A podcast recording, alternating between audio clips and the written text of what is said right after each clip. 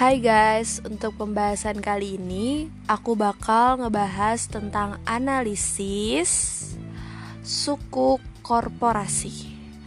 Jadi di sini aku bakal nganalisis 14 analisis menurut fikih transaksi keuangan kontemporer. Yang pertama yaitu ada praktik lapangan produk dan transaksi. Jadi sukuk pada prinsipnya mirip obligasi konvensional. Bedanya itu yaitu menggunakan konsep imbalan dan bagi hasil sebagai pengganti bunga. Kemudian parameter kesesuaian syariah. Aset yang mendukung dasar penerbitan sukuk yaitu adanya akad atau perjanjian antara pihak yang disusun berdasarkan prinsip-prinsip syariah. Kemudian, sukuk harus terstruktur secara syariah agar instrumen keuangannya aman dan terbebas dari riba, goror, dan maisir. Dan sukuk korporasi juga sudah didasarkan pada fatwa dan memperoleh pernyataan kesesuaian syariah dari Dewan Syariah Nasional MUI dan Internasional Syariah Scholar. Kemudian ada kemudian ada adat etika bisnis Islam yaitu landasan tauhid, landasan keadilan dan kesejahteraan, landasan kehendak bebas dan landasan pertanggungjawaban. Suku korporasi sudah terbebas dari riba, goyoror, maisir, dan berinvestasi mengikuti prinsip syariah. Jadi sudah jelas, sudah termasuk adab etika bisnis Islam. Dan selanjutnya itu usul fikih. Jadi perintah atau am secara mutlak menunjukkan kepada suatu kewajiban. Dengan demikian janji merupakan suatu mengikat dan wajib dipenuhi sekarang ini, sukuk dianggap sebagai instrumen keuangan Islami yang menjadi alternatif dari obligasi yang mengandung unsur riba. Kaidah fikihnya itu pada dasarnya segala sesuatu boleh dilakukan kecuali ada dalil yang mengharamkannya. Kemudian, suatu yang menjadi kebiasaan di antara orang yang melakukan transaksi maka menjadi syarat di antara mereka. Jadi, sukuk itu bentuknya transaksi modern, tentu tidak terlepas dari pengaruh perkembangan transaksi modern tersebut. Selama bentuk bertransaksi modern tersebut tidak bertentangan dengan prinsip syariah, maka hal tersebut diperbolehkan. Makosid syariah suku korporasi yaitu sukuk sebagai instrumen keuangan memiliki fungsi yang sangat penting dalam upaya suatu perusahaan atau institusi yang kekurangan dana untuk melakukan kegiatan usahanya dengan cara menerbitkan sukuk untuk menutupi kekurangan dana tersebut, tetapi tetap melalui prinsip syariah. Dan akad-akad fikih, akad-akad fikih sukuk korporasi itu ijaroh, mudorobah, istisna, musyarakah, murabahah, dan hibrid sukuk. Kemudian ada konsep fikih muamalah. Konsep fikih sukuk itu yaitu pembelian kembali atas sukuk rital yang dimiliki oleh nasabah. Dalam fikih muamalah tersebut, bayi al-wafa yaitu jual beli yang dilangsungkan dengan syarat bahwa barang yang dijual tersebut dapat dibeli kembali oleh penjual apabila tenggak waktu yang disepakati telah tiba.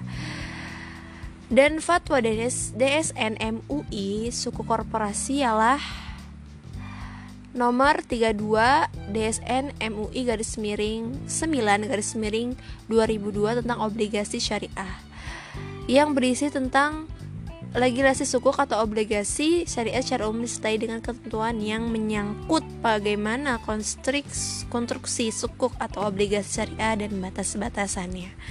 Fatwa ini merupakan suatu bentuk legislasi penggunaan akad mudoroba dalam penerbitan penerbitan sukuk mudorobah itu dijelaskan oleh fatwa DSN nomor 33 garis miring DSN MUI garis miring 9 garis miring 2002 tentang obligasi syariah mudorobah sedangkan fatwa standar syariah AOIV Sukuk ijaroh sebagaimana yang didefinisikan oleh AOIV merupakan sukuk yang diterbitkan berdasarkan perjanjian atau akad ijaroh di mana satu pihak bertindak sendiri atau melalui wakilnya menjual atau menyewakan hak manfaat atau suatu aset kepada pihak lain berdasarkan harga dan periode yang disepakati tanpa diikuti dengan pemindahan kepemilikan aset itu sendiri.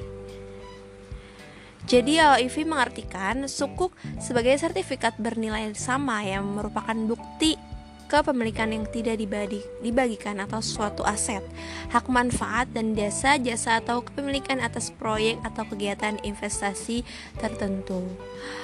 Undang-undang dan regulasi terkait yaitu nomor 19 tahun 2008 tentang surat berharga syariah negara yang berisi peraturan yang mengatur tentang suku negara mengingat suku sebagaimana obligasi juga dapat diterbitkan oleh pemerintah. Dan kemudian peraturan nomor 9.a.13 lampiran keputusan ketua Bapepam dan LK nomor Cap 130 garis miring BL garis miring 2006 tentang penerbitan efek syariah.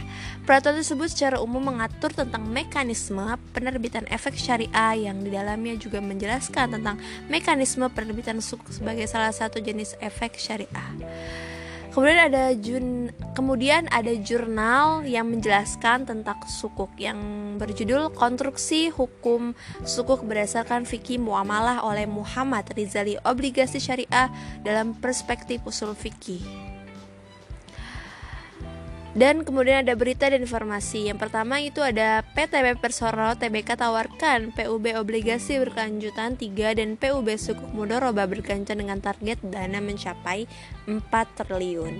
Kemudian ada PTP menerbitkan penawaran umum obligasi kelanjutan 3 PTP dengan target dana dihimpun 3 triliun. Kemudian yang terakhir itu ada manajemen resiko atau manajemen pemasaran yaitu yang pertama, jika investor ingin mencairkan dana sebelum jatuh tempo, maka investor akan mengalami resiko likuiditas atau investor tidak dapat menukar bentuk investasi baru yang lebih unggul. Contohnya, investor memiliki suku mudoroba namun karena suku hijau lebih menguntungkan, maka investor ingin mencairkan dananya sebelum jatuh tempo. Dan kemudian dari risiko yaitu penebusan oleh SPV kepada investor ketika jatuh tempo. Resiko yang mungkin timbul adalah jika SPV gagal membayar modal dan keuntungan kepada investor.